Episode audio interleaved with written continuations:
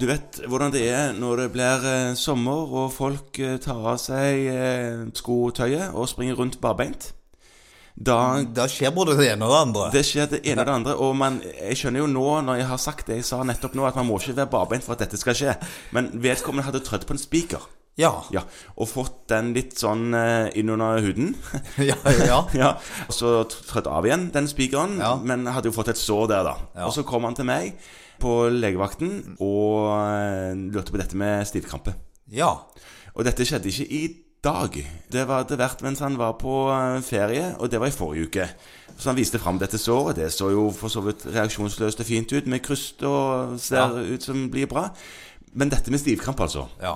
Og dette var en uke siden. Så tenkte jeg ja, har du ikke fått stivkrampe nå, så får du det neppe pga. denne her spikerepisoden. Men hvordan er det, du? Nei, det, det er nok litt eh, voldsomt å si. Eh, Altså defensivt? Ja, altså, fordi at inkubasjonstiden på stivkrampe, den er ja, altså, Hvis man går inn og begynner å lese kilder, så kan man bli veldig i tvil. Ja vel? Ja, fordi at på FHI, som er jo en, i forhold til stivkrampe, fordi det er en sykdom vi i Norge først og fremst forholder oss til gjennom en vaksine, Ja, det er s- riktig. så, så står det tre, altså, tre dager til tre uker inkubasjonstid. Å ja, så det betyr at s- når han tråkka på denne spikeren for en uke siden, så er det fortsatt litt tid igjen til at denne tetanustilstanden kan utvikle seg? Ja, ja. Og i andre kilder så står det at det kan ta mye lenger, og det skriver for så vidt FHI òg, sånn at man skal på en måte aldri være redd for å sette den boosteren. Nei, for det er vel det som er poenget, at eh, den boosteren kan en sette, men er det vits i å sette den hvis vedkommende var i militæret i forfjor? Ja.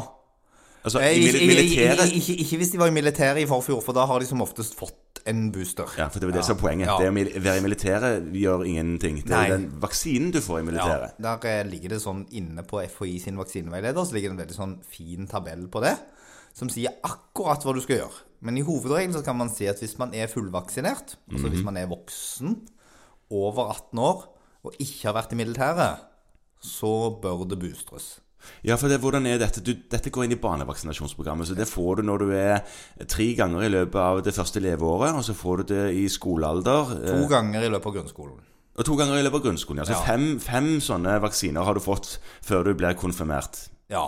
Ish. Eh, Ja. Det siste nok rett etter konfirmasjonen, men det er noe sånn. Ok, rundt det. Eh, så det Nå skal jeg vel si da at konfirmasjon er jo ikke et kriterium for å få vaksinen. Nei, det var mer Nei da, nei da, vi holder den utenom. Men Ja. eh, poenget var at det var noe med fem år, sa du? Ja, fordi at det som står i tabellen ganske greit, er at hvis du har hatt et såkalt urent sår, Ja.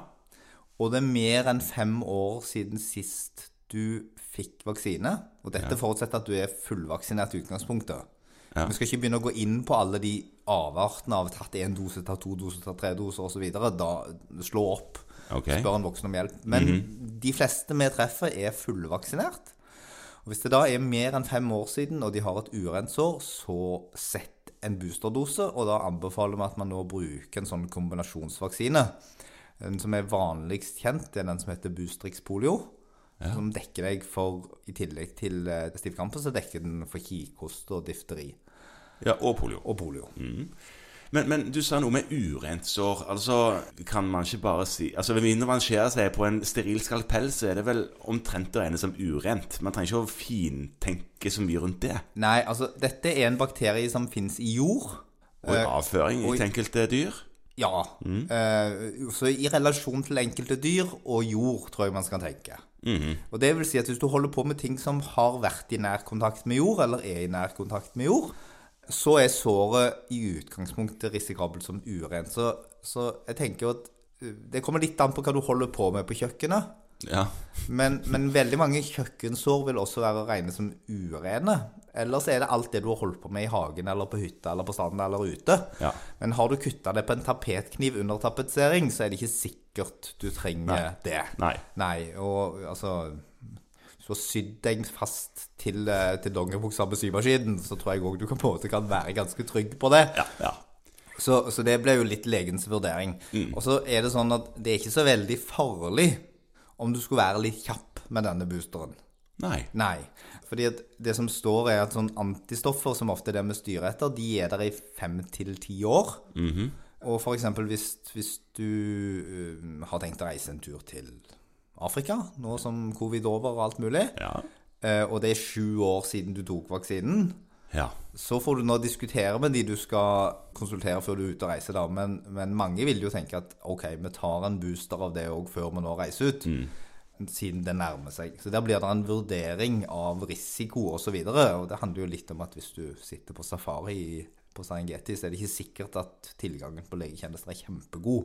Nei, det kan være at den var litt vanskeligere å få tak på enn her. Ja, Men, men selv om dette går inn i vaksinasjonsprogrammet, så må man betale boosteren sjøl. Ja, boosteren må man betale sjøl. Og da er det sånn at alle bør boostes hvert tiende år. Så Ja. skal jeg legge på en liten reminder her, så er det sånn at alle bør jo få denne hvert tiende år. Det kan man jo på en måte bidra til å hjelpe befolkningen å huske. Og så hvis de da dukker opp tilfeldig, og det er mer enn fem år siden de fikk en booster, og de har et urent sår, eller et sår du lurer på om er urent, så bør du også booste de. Ja, og dette med boostring og vaksiner det er et stort kapittel, men tar ikke alt det nå. Nå holdt det med denne tetanussaken. Og hvis man skulle få tetanus, altså få stivkrampe, så er det stort sett en eh, situasjon som ivaretas på sykehus. De, de, de tror jeg vi skal legge inn. Ja. De skal behandles med antibiotika litt sånn forskjellig, men, Ja. men det er klart at det tror jeg ikke er noe du holder på med i- på kontoret i Stavanger. Tror ikke det.